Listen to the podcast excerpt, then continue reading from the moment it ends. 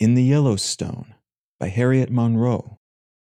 Little pinprick geysers spitting and sputtering, little foaming geysers that spatter and cough, bubbling geysers that gurgle out of the calyx of morning glory pools, laughing geysers that dance in the sun and spread their robes like lace over the rocks, raging geysers that rush out of hell with a great noise and blurt out vast dragon gulps of steam and, finishing, sink back wearily into darkness. Glad geysers, nymphs of the sun, that rise, slim and nude, out of the hot dark earth and stand poised in beauty a moment, veiling their brows and breasts in mist winged geysers, spirits of fire that rise tall and straight like a sequoia and plume the sky with foam.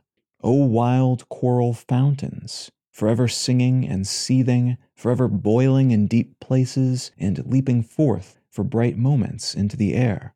How do you like it up here? Why must you go back to the spirits of darkness? What do you tell them down there about your little glorious life in the sun? In the Yellowstone, by Harriet Monroe.